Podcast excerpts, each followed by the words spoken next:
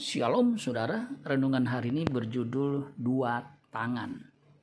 Nehemia pasal 4 ayat 15 sampai 19. Ketika didengar musuh kami bahwa rencana mereka sudah kami ketahui dan bahwa Allah telah menggagalkannya, maka dapatlah kami semua kembali ke tembok, masing-masing ke pekerjaannya.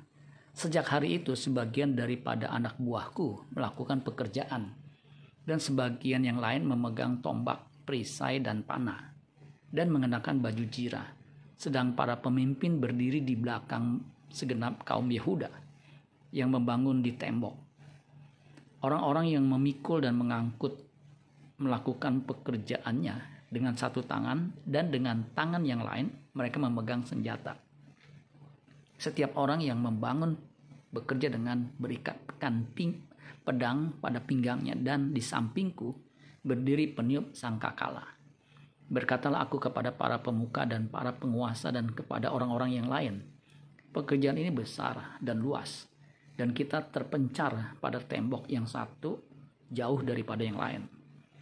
Dalam keadaan darurat penuh kewaspadaan, anak buah Nehemia melakukan pekerjaan pembangunan tembok dengan dua tangan yang masing-masing berbeda, tapi satu tujuan. Nehemia 4 ayat 17 yang membangun tembok, orang-orang yang memikul dan mengangkut melakukan pekerjaan dengan satu tangan dan dengan tangan yang lain mereka memegang senjata.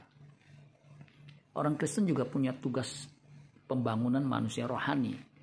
Kita juga harus melakukannya dengan penuh kewaspadaan.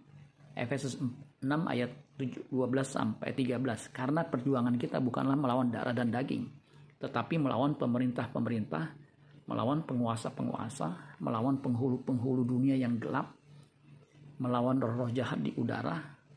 Sebab itu ambillah seluruh perlengkapan senjata Allah supaya kamu dapat mengadakan perlawanan pada hari yang jahat itu dan tetap berdiri sesudah kamu menyelesaikan segala sesuatu. Rasul Paulus pun menasihati jemaat Filipi untuk mengerjakan keselamatan dengan penuh kewaspadaan bersama dengan Allah. Filipi 2 ayat 12 sampai 13. Hai saudara-saudaraku yang kekasih, kamu senantiasa taat. Karena itu tetaplah kerjakan keselamatanmu dengan takut dan gentar.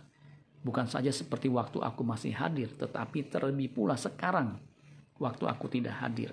Karena Allah lah yang mengerjakan di dalam kamu baik kemauan maupun pekerjaan menurut kerelaannya. Kita tidak boleh berleha-leha di zaman now ini. Karena kuasa kegelapan begitu masif bekerja ekstra dan dunia makin jahat. 2 Korintus 3 ayat 1. Ketahuilah bahwa pada hari-hari terakhir akan datang masa yang sukar. Amin buat firman Tuhan. Tuhan Yesus memberkati. Sola Gracia.